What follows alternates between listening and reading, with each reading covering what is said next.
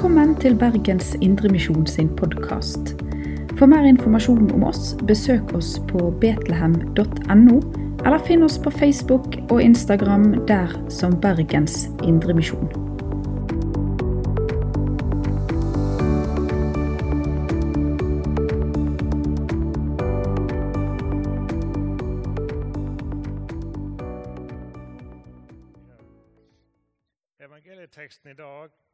Står i Lukas kapittel 7, vers 36-50.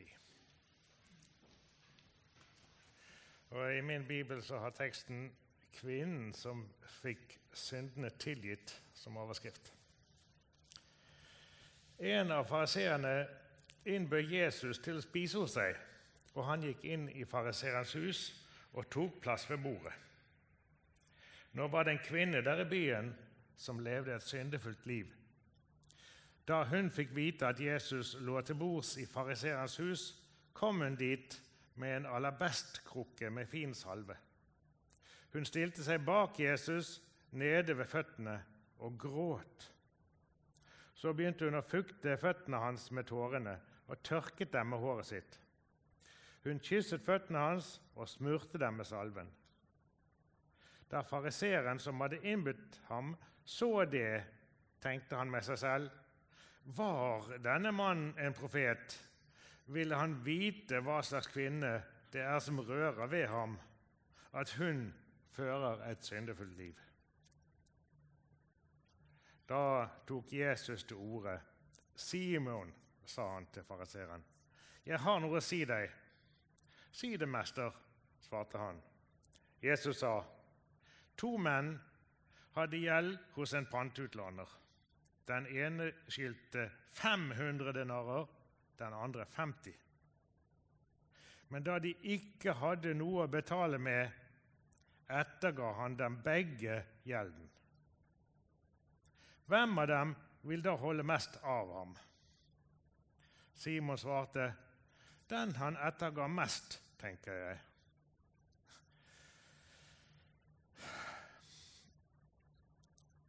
Du har rett, sa Jesus. Så vendte han seg mot kvinnen og sa til Simon.: Ser du denne kvinnen? Jeg kom inn i ditt hus. Du ga meg ikke vann til føttene mine, men hun fuktet dem med tårer og tørket dem med håret sitt. Du ga meg ikke velkomstkyss, men helt fra jeg kom, har hun ikke holdt opp med å kysse føttene mine.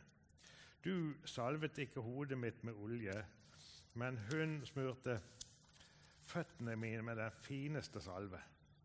Derfor sier jeg deg, hennes mange synder er tilgitt. Derfor har hun vist så stor kjærlighet. Den som har fått lite tilgitt, elsker lite. Så sa han til kvinnen, syndene dine er tilgitt. Da begynte de andre gjestene å spørre seg, hvem er han som til og med tilgir synder? Men Jesus sa til kvinnen, din tro har frelst deg. Gå i fred.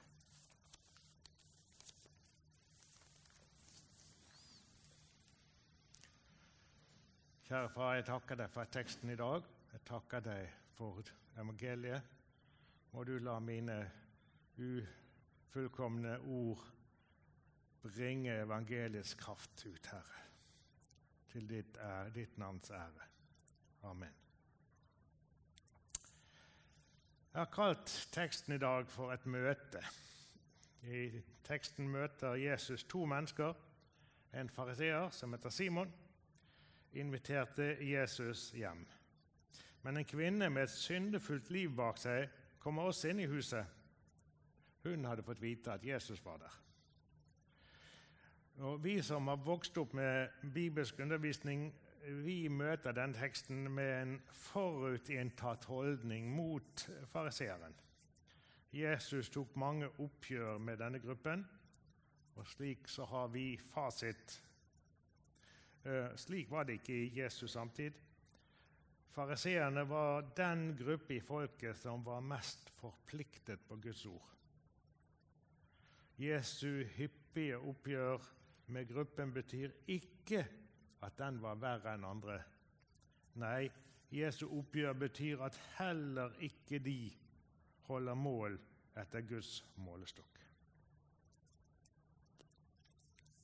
Teksten tegner videre en kontrast mellom verten og den syndefulle kvinnen. Noen mennesker bærer syndene utenpå, slik som kvinnen. Et dårlig rykte gikk foran henne. Hun stiller seg bak Jesus, gråter ved hans føtter. Hun kysser føttene hans, og hun smører dem inn med kostbar, aller best salve. Simon, den andre, han reagerer på at Jesus lar dette skje. Og så tenker han hadde Jesus vært profet, så hadde hun visst hvem som gjør dette. Hun underforstått da ville Jesus hindret at det skjedde. Men Jesus han snur opp ned på tankemåten og forteller lignelsen om to personer som har fått ettergitt gjeld. 550 denarer. Ingen av dem kunne gjøre opp for seg. En denar er altså en dagslønn. På spørsmålet til Simon om hvem som er mest takknemlig av de to, sier Simon rett nok at det er vel han som har fått mest ettergitt. Og Jesus tar her et oppgjør med fariseismens forsoningslære. Og ifølge den så var altså den salig og en gudsvenn som kan tvinge seg selv til selvdisiplin og lydighet mot Guds bud. Tvinge seg så langt et menneske kan strekke seg. Og mer kan vel ikke Gud kreve. Også fariseerne visste nemlig at hjertet er fordervet, og at vi til slutt må tildeles nåde. Fariseerne visste dette, men de, de vektla menneskets plikt. Mennesket blir delansvarlig for sin frelse. Egen innsats er påkrevd. Ehm, jeg vil snakke litt mer om Jesu møte med Simon her. Simon og de andre gjestene.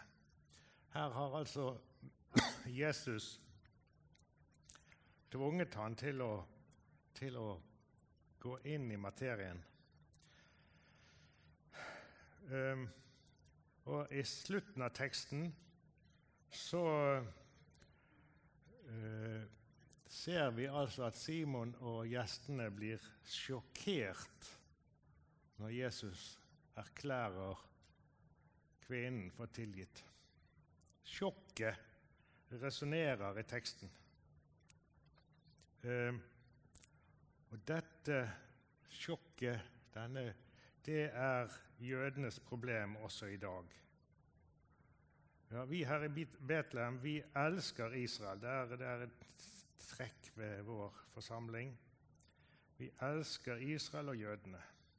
Men kjærligheten er ikke blind. Jødene trenger å møte Han som har myndighet til å tilgi synder. Og Jesus kan tilgi synder fordi han er lammet offerlammet som har båret verdens synd, og fordi han er dommeren som skal dømme levende og døde. Han er altså unik. Han er den som kan tilgi synd. Og det er altså veldig unikt, og jødene gjør helt rett i å bli sjokkert over å møte en som har myndighet til dette. I fjor, vi, fjor, høst hadde vi her i Betlehem søkelys på Galaterbrevet. Og dagens tekst passer altså inn i budskapet om nåden alene. Nåden som tildeles ved tro. Kvinnen fikk høre 'Din tro har frelst deg. Gå i fred'. Det var erklæringen hun fikk. Nåden ved tro. Galaterbrevet og mange andre bibelsteder, bibelsteder sier at vi ikke kan skåre et eneste poeng i salighetsregnskapet vårt. Veien til forsoning med Gud heter Jesus alene. Jeg er veien, sannheten og livet, sier Jesus. Han er ikke kommet for å kalle egenrettferdige, men syndere. Og der synden er stor, blir nåden desto større. Kvinnen som vi får høre om i dag, hun var synder i egne og andres øyne. Men hun hadde fått øynene sine åpnet for at Jesus var synderens venn. I huset så stiller hun seg bak Jesus. Husk at de lå til bords. Slik kunne hun vaske og salve føttene hans bakfra. På et vis symboliserer denne posisjonen at Jesus står mellom henne og dommen. Både vi og Simon og kvinnen trenger å se dette. Vi trenger å leve i tilgivelsens tilstand, i synsforlatelsens rike. Denne kvinnen, en syndefull kvinne Nå er altså minnet om henne holdt til live til denne dag. Bibelen løfter henne frem. Og Bibelen løfter henne frem, tror jeg, som et forbilde for oss. Kvinnen, hun elsket Jesus. Det er naturlig at den som har fått tilgitt mye, elsker meget. Kvinnen, synderinnen, hun blir slik et forbilde for oss.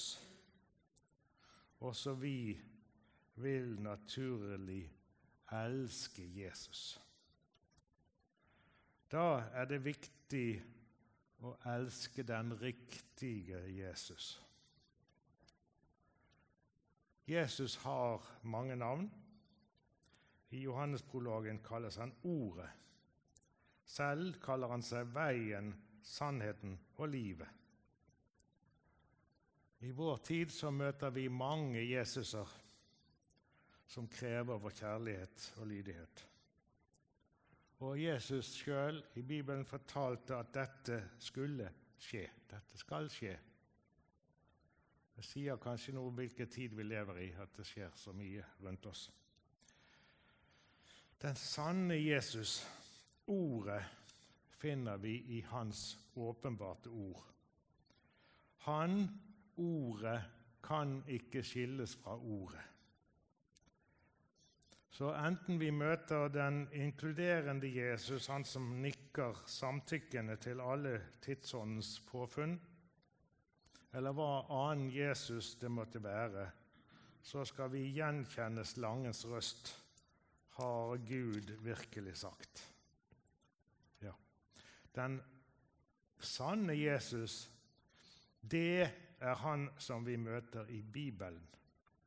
Han skal vi elske.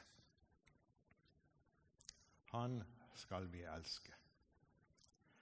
Og så til slutt eh, om kjærligheten. Kjærligheten er ikke at vi har elsket Gud, men at Han har elsket oss og sendt sin sønn til soning for alle våre synder. Ære være Faderen, Sønnen og Den hellige ånd. Amen. Du har lytta til Bergens Indremisjon sin podkast. For mer informasjon om oss, besøk oss på betlehem.no, eller finn oss på Facebook og Instagram der som Bergens Indremisjon.